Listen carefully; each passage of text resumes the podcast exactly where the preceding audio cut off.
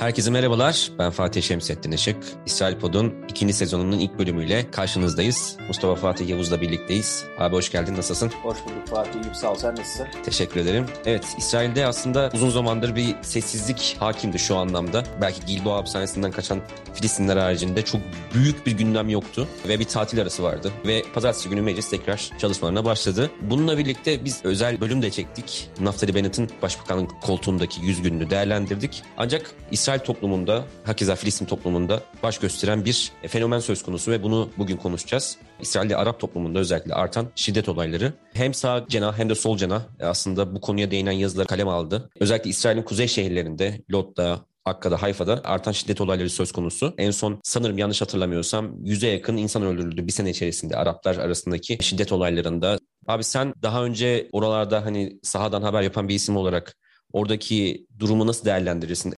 Evet Fatih bu aslında kronik bir durum İsrail için. Ee, uzun zamandır e, İsrailler de bundan yakınıyorlar. Özellikle medyada daha çok daha liberal medyada haber oluyor bu. Çünkü İsrail içerisinde yaşayan İsrail vatandaşı olan Filistinlerin e, bir güvenlik açığı var, bir güvenlik durumu var ve bunlardan daha çok Filistinler tabii ki etkileniyor. Ben daha evvelden yakın bir dönemde eşi ve çocuğu öldürülmüş bir kadınla röportaj yapmıştım. Hatta bu kadına Netanyahu bizzat gidiyor konuşuyor. Kadın gidiyor Knesset'e Netanyahu ile görüşüyor. Netanyahu işte durumunu çözüleceğine dair söz veriyor. Ancak herhangi bir şekilde katil yakalanmıyor. İlginç bir durum var Fatih. Bu insanlar katillerin kim olduğunu biliyorlar ve İsrail'in bu isimleri, bu insanları yakalayabileceklerini biliyorlar. Kamera görüntüleri olduklarını biliyorlar. Ee, ancak İsrail'in nedense bu katilleri yakalamadığını söylüyorlar. Genellikle ben bu zamana kadar iki aileyle görüştüm. Eşleri ve çocukları öldürülmüş. Bunların her ikisi de bana aynı şeyi söyledi. Yine bir kriminolojistle görüştük bu hafta. Onu da inşallah haberini yapacağız. O da aynı şeyi söylüyor. Genellikle İsrail polisinin burada bir e, ihmali olduğunu söylüyorlar. Bu zaten İsrail basında da defalarca yansıdı. E, geçtiğimiz haftalarda önemli bir gelişme oldu. Geçtiğimiz hafta ne oldu? Biliyorsun dayak yedi İsrail polisi e, Araplardan, Filistinlerden. Bundan sonra Bennett bir çıkış yaptı. Araplar içerisindeki bu kriminal durumu çözmemiz gerekiyor diye.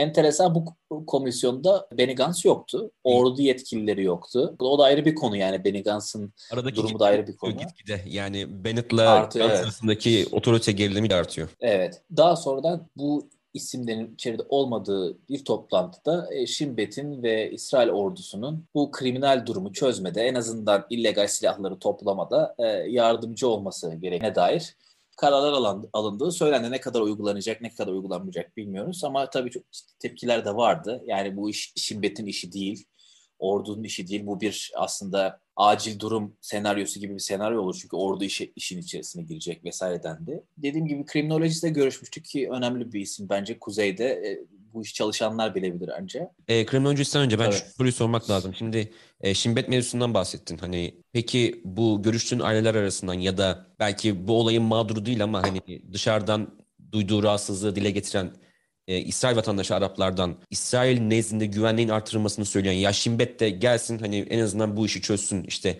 yani başka çaremiz kalmadı diyen isimler de var mı? Yoksa hani tam tersine bu bizi daha da düşman haline getirir işte gerilim artar. Yani genel Arap toplumunun bakış açısı nasıl? Aslında vatandaşlar, Filistin vatandaşları yaptıkları protestolarda İsrail polisinin bu mevzuları çözmesi gerektiğini söylüyor. Ama tabii bazı milletvekilleri de var ki bu işin kontrol olayına dönüşmemesi gerektiğini, yani burada bir denge söz konusu olması gerektiğini söylüyorlar. Ama bu çok sıkı bir denetimden geçmesi gereken mesele. Yani bu hatırlarsın belki koruma zamanında da aynı şey olmuştu. Şimbet'in denetlemesi, takip etmesi, insan hakları vesaire. Ee, yine aynı mevzu gündeme geliyor ama Şimbet'le ilgili şöyle bir şey söylendi. Benim görüşüm kriminolojiste. Sorunun kendisi Şimbet şeklinde bir açıklama yaptı. Zaten Şimbet evet, işin içerisinde dedi yani. Zaten işin içerisinde e, gelen silahların %70'inin şu anda Arapların elinde olan özellikle mafyalaşmış Arapların ellerinde olan silahların %70'inin İsrail ordusundan geldiği söyleniyor ve geçtiğimiz günlerde Haaretz bir grafik yaptı ve bu gelen grafikte İsrail ordusundan gelen bilgilere göre İsrail ordusundaki kayıp silahlar. Bu kayıp silahlar nerede? İsmini şu anda tam olarak hatırlamıyorum. İngiltere'de olan bir daha çok ihvana yakın bir ismin kitabı vardı Hamas'la ilgili. Ve onu orada okuduğumda şaşırmıştım. Hamas'ın ilk silahlarının İsrail ordusundaki komutanların kara borsaya silah satmasıyla elde ettiğini söylüyordu. Yani Hamas'ın ilk silahları aslında İsrail ordusundandı. Ama işte şöyle bir şey söylemişti o. İşte ordunun içerisindeki uyuşturucu bağımlısı askerler bu silahları satıyorlar. Birçok senaryo olabilir. Bunun nasıl geldiğini bilemiyoruz. Bir kısmı Batı Şeria'dan geliyor. Bu önemli bir konu. İsrail ordusu ilk başta zaten Benet ekibinde yapmaya çalışıyor şaşıyor. Ordunun içerisinden çıkan silahların durdurulması ve illegal silahların toplanması. Çok ciddi rakamlardan bahsediliyor. 400 bin diyen var. Çok Bu, acayip. ama enteresan bir mafyalaşma durumu hakim Fatih. Bu benim ilgimi çeken taraf. E, aslında İsrail'de mafyalar yeni bir şey değil. Yani Evet. yeni bilinen bir durum değil. Bu Yahudi mafyası bazı bir kısmı Fas Yahudisiydi. E, hatta siyasete de etki etmişlerdi. Wikileaks belgelerini hatırlarsan Fatih, Netanyahu'nun partisinden sanırım bir mafya liderinin kızı e, Likud listesinden meclise girmişti. Wikileaks belgelerinde de Amerikalıların Netanyahu bu ismi görevden alması gerektiğini söylüyordu.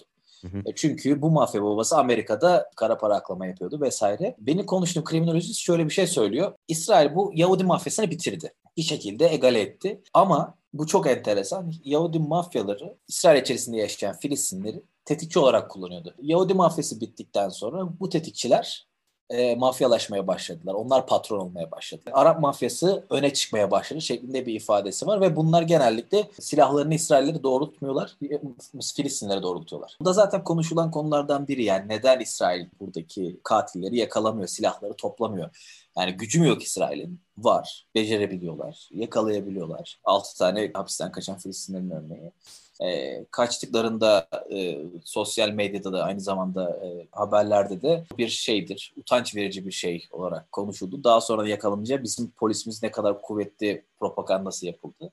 E, madem o kadar kuvvetlisiniz neden yakalamıyorsunuz? Filistinler de bunları söylüyorlar. Mağdur olduklarını söylüyorlar defalarca. Güvende hissetmiyorlar Fatih ya. Benim konuştuğum adam tasını tarağını toplayıp gitmeye çalışıyordu. Adam diyor ki ben kimin öldürdüğünü biliyorum. İsrail biliyor. Nereden geldiğini biliyor. Kamera kayıtları var. Ama yakalamıyorlar adamı. Yani her aile hemen hemen bunu söylüyor. İnsanlar bundan yakınıyorlar.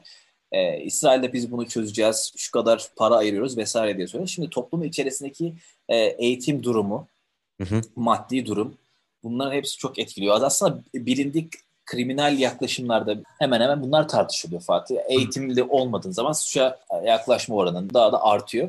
Tabii Filistin toplumundaki durumu da ortaya koyuyor. Filistinler özellikle o kriminolojist bana şundan bahsetmişti. Yani arttırırsak eğer eğitimi ve e, ekonomik durumu bunu çözebiliriz. Aynı zamanda uyuşturucu kullanımından da bahsetti. Uyuşturucu kullananları rehabilite ettiklerinde ilk yapmaları gereken şey bunların suça bulaşmalarını engellemek.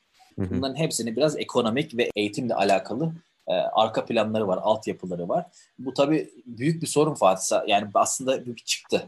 Onu görüyoruz. Evet, Kriminal durum bir sonuç aslında yani şu an hani düşününce. Sonuçtan bahsediyoruz evet. Evet. Sonuçtan bahsediyoruz ve burada da İsrail'in özellikle dediğim gibi Filistinler İsrail hükümetini suçluyorlar. E, tabii ki şunu da diyebilirsiniz ya siz kendi toplumunuzdaki e, kriminal şeyi çözemiyorsanız biz ne yapalım diye, denebilir ama bu insanlar da İsrail vatandaşları sonuçta. Yani eğer adamlar şunu söylüyor bir Arap bir İsrailli öldürdüğü zaman anında yakalanabiliyor, cezası anında kesilebiliyor. Ama bir Filistinli bir Filistinliyi öldürdüğü zaman bulunamıyor. Benim abi şurada sormak istediğim bir mesele var. Yani bana çok böyle kulağa mantıklı gelmiyor. Özellikle işte Knesset'teki işte Arap milletvekilleri de mesela bu görüşe sahip. Yani ne kadar sağlıklı bir test sence? Yani eğer biz ekonomimizi iyileştirirsek Araplar arasında, onlara imkan sağlarsak, fırsat eşitliği sağlarsak bu suç azalır, biter. Ya bu sence doğru bir önerme mi bilmiyorum. Yani sadece ekonomi değil. Benim en son konuştuğum aile şunu söyledi. E, kimin öldürdüğünü biliyor, mezunun nereden çıktığını da biliyor. Bu adamın dediğim gibi yani 350 bin dolarlık 3 katlı triplex evi var İsrail'in kuzeyinde. 4 tane arabası var falan. Ba- bayağı zengin bir adamdı yani. E, suça bulaşmış, eğitimsiz ve e, ekonomik durumu kötü olan bir kesim. Daha iyi bir kesim yani sınıfsal bir farklılık var ortada. Evet. Yani bu- şöyle düşün Fatih. Mesela şöyle tezler de var. Barış yapmak istiyorsanız, çatışma çözümü yapmak istiyorsanız insan evlendirin. Bunu makale yapmış adam. Yani çok enteresan. akademik makale. E tabii ama şöyle bir şey var. Şiddete bulaşanların çoğu genç ve bekar olan adamlar. Evli olan adam çoluğunu çocuğunu düşünmek zorunda. Evini barkını düşünmek zorunda. Bu sebeple öyle çok bold hareketler yapamayacak yani. Çok agresif davranamayacak. Ama adamın sadece kendini düşünüyor yani öbür türlü. Bu sefer çoluğu çocuğu olacak. Evlendirirseniz diyor çatışma çözümü olabilir vesaire. Yani akademik makaleye taşımış adam yani. Şimdi Ee, bu tarz yaklaşımlar çok yanlış değil. Ee, tabii ben burada bir önermede bulunmuyorum. Önermeleri anlatıyorum. izah etmeye çalışıyorum. Ee, ya tabii karşılıklı da olmak zorunda. Yani İsrail bir taraftan işi sıkılaştırmak zorunda. Öbür taraftan da e, eğitim ve ekonomik durumu da iyileştirmek zorunda ki bu kriminal durum e, çözülsün. Çünkü gittikçe artmaya devam ediyor Fatih. Azalmıyor yani. Hı hı. Durum azalmıyor. Yakın zamanda işte Jerusalem Post'ta bir röportajı vardı. E, Lahav Harkov'la Meret'ten e, milletvekili Esavi Frejin. Yani ilginç bir röportajdı. Şöyle bir şey de bulunuyor. Eğer biz e, Yafa'da ve Akka'daki Araplarla barış yapamazsak işte bu İbrahim Anlaşması'yla yapmış olduğumuz barış ne kadar e, tesirli olabilir gibi bir iddiada bulunuyor. Ama bu ne kadar mesela doğru bir çerçeve hani bir tahayyül sunuyor bize işte bir nevi hani bütün Araplar ortak hani hepsi beraberdir hipotezine sahip ama mesela Körfez'deki bir Birleşik Arap Emirlikli bir Arap'ın, İsrail vatandaşı bir Arap'ın ne kadar kale aldığını düşünebilirsin. E, oradaki şiddet olaylarını mesela Birleşik Arap Emirlikleri'nden veya ne bileyim Körfez'den gelecek bir maddi yardımla kapatmak mümkün olur mu? Hani bu bana çok böyle sağlıksız geliyor. Dolayısıyla şunu görüyorum. Birazcık İsrail vatandaşı Araplar için aslında talihsiz bir durum. İsrail'in devlet olarak kendilerini görmezden geldiğini düşünüyorlar.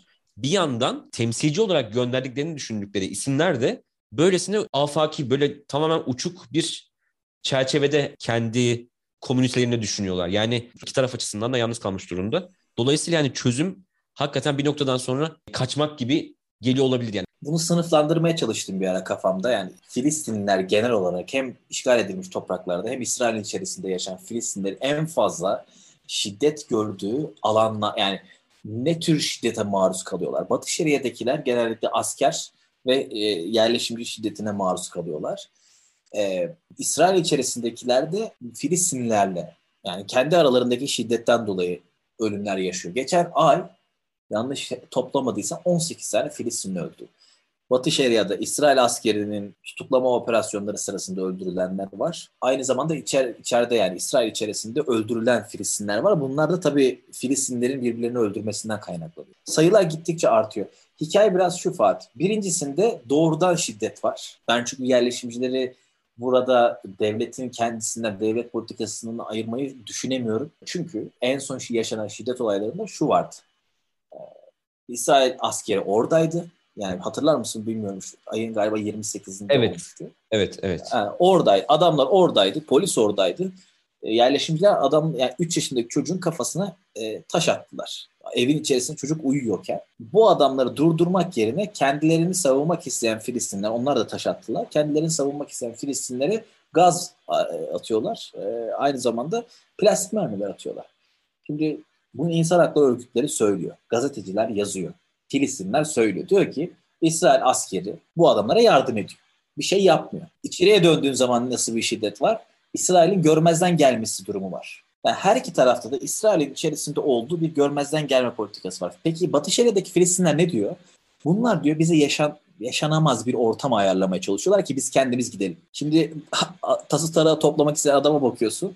O da aynı şey. Adam o, evet yani o da aynı şeyi hissediyor. Yani burada güvende hissetmiyor ve gitmek zorunda kalıyor. Biz oradayken adam bize camları gösterdi. Adam evine hala ateş ediliyor. Biz oradayken kötü ya dedik ki kameramanla beraber dedik ki niye e, ateş etti ya sizin eve yani adam karını öldürdü. Ondan sonra niye bir daha ateş etti dedi ki ben de röportaj verdim ondan sonra geldi ateş etti dedi. Biz de diyoruz ki adamla röportaj yapıyoruz bu arada yani. Adamla röportaj yapıyor. Hayır ben sonra şöyle kötü hissettim. Dedim ki inşallah adamın başına bize röportaj verdiği için bir şey gelmez. Yok dedi. Siz uluslararası medyasınız. Ben de Yedio'da Ahromat'a konuşmuştum. Onlar görmüş o yüzden ateş ettiler falan. O da ilginç bir seçim olmuş bu arada. Ben şimdi son olarak şeyi sormak istiyorum. Bütün bunların bu hengamenin ortasında Mansur Abbas'ın konumunda olmak nasıl bir durum acaba? Yani Mansur Abbas şimdi çok ne derler büyük bir hevesle işte Bennett'la koalisyonu kurdu. Fakat böyle bir şiddet sarmalı varken kendisinin potansiyeli bakalım nasıl olacak. Çünkü İsrail'de hali hazırda bütçe görüşmeleri de devam ediyor 14 Kasım'a kadar. Eğer bütçe geçmezse hükümet çökecek. Ve Mansur Abbas da burada kritik bir konuda. Çünkü bütçenin önemli bir kısmını da kendi toplumuna, Arap toplumuna ayrılmasını istiyor. Fakat bir yandan böyle şiddet olayları da var. Sıkışmış bir durumda ve siyaseten belki manevra alanı çok daralmış durumda. Sen Mansur Abbas'ın bundan sonraki hamlesinin ya da hamlelerinin ne olacağını düşünüyorsun? Bence isteklerinde, arzularında bir sınırı var. Bir yerden sonra yani artık kılıçlar çekilebilir. Yani bu da tabii yine bir şeyler almak için olacaktır. Hükümeti dağıtmak için olmayacaktır. Mansur Abbas'la Bennett de büyük risk aldılar. Bence bu koalisyonun en büyük risk alan iki grubu. Kesinlikle. Bennett ve Abbas diğerleri için istediklerini alma şeyine yaklaştılar. Çünkü amaç biraz Netanyahu devirmekti. Lapid de bu koalisyonun lideri olduğunu göster. Ee, Mansur Abbas'ın bana göre eğer istediklerini alırsa daha fazla Araplar lehine olabilecek yasaları geçirebilirse, şiddet sarmalının çözülmesinde etkin olabilirse, kendi seçmenine bir şey anlatabilirse bu koalisyon devam eder. Ama tabii bu bütçe görüşmeleri biraz da yine Tunus'u olabilir. Bakalım ne alacaklar, ne verecekler. Yine de ben Mansur Abbas'ın bir şekilde diğerlerinden ayrışarak e, Arap toplumunda bir soru işareti yani olumlu anlamda. Yani acaba doğru mu yapıyor? Bıraktım düşünüyorum Fatih. Yani e, bu zamana kadar Knesset içerisinden muhalefet yaparak Arap toplumu çok fazla bir şey alamadı. Benim gördüğüm kadarıyla. E, ama şu andan itibaren biraz belki bir nebze olsa umutlandılar. Ha tabii bu şu demek mi yani? Evet Arap toplumu ya da Filistinler e, işte İsrail'e daha fazla entegre oluyorlar. İsrail'i kabulleniyorlar. Kesinlikle hayır bence. Yani bunu anlatmaya bunu anlatmaya çalışan hesaplar var sosyal medyada. İddia eden hesaplar var. Ben bunu tabii şeysiz olmadığını düşünmüyorum yani. E, belli bir ajandadan esiri olmadan yapmadıklarını düşünüyorum ama yani belli bir kesim der ki ben abi İsrail'im benim şeyle bir problemim yok. Bunu diyen Arapları ayırabiliriz. Hı hı. Mesela bu şey olaylarında Filistin'in hapishaneden kaçma olaylarında yakalanmasından sonra Arapların yardım etmemesinden bahsettiler. Hı hı. İsrail medyası. Hangi Araplar abi bunlar? Bakın Bedeviler İsrail'de başkadır. Dürziler başkadır. Bunların haricinde kalan Filistinler başkadır falan. Mescid'den geldin. Mescid Aksa'ya girdin. Evet. Girdiğin zaman kapıda olan askerlerin yani o Mescid Aksa'nın girişinde olan askerlerin birçoğu ya Dürzidir ya Bedevidir. Evet. Aynen öyle. Yani ya bu adamlar zaten İsrail toplumunda askerlik yapıyorlar. Polis görevi alıyorlar. Yani bu adamların İsrail toplumuna okey demiş olması garip karşılanmamalı. Bir ilerleme, İsrail'i kabul etme gibi karşılanmamalı. Bu adamlar zaten böyle. Ve bu, bu arada onu da söyleyeyim. Bir kere Zübeyd'in yakalandığı yer genellikle Belevi mahallesi. Bunun da böyle olmadığını da söylüyorlar. Yani onu kimse şikayet etmedi vesaire vesaire olmadığını da söylüyor. Adamlar e, böyle bu şekilde ifade verdiler mahkemede. Böyle bir şey olmadığını söylediler. Olsa bile bu adamlar zaten Bedevilerin olduğu bir yerdeydi. Bu adam Bedeviler zaten İsrail toplumuyla anlaşan genellikle. Onları da tabii kendi içlerinde önemli. Dürzilerin de kendi içlerinde ayrılanları var. Ama genel Filistin toplumunda İsrail'e yakın olan iki kesimdir yani. Arap Filistinler arasında Bedeviler ve Dürziler. Aç bak e, Gazze sınırında hangi askerler kullanılıyor? Ölen asker, en son öldürülen asker. Nasıl bir entegrasyon? Yani entegrasyon mu bu? Ya da evet. İşte yoksa piyon gibi kullanmak mı? Hani tamam satranç santasındalar, beraber aynı takımdalar ama yani bu satranç takımının bir veziri var, bir şahı var. Piyonu da var yani. Hani piyonlar bol olabilir. Piyonları rahatlıkla kullanabilirsin. Abi azınlık psikolojisi bir yerde Fatih yani. yani şey demek de doğru değil. Kimse İsrail'i kabul etmiyor demek de doğru değil.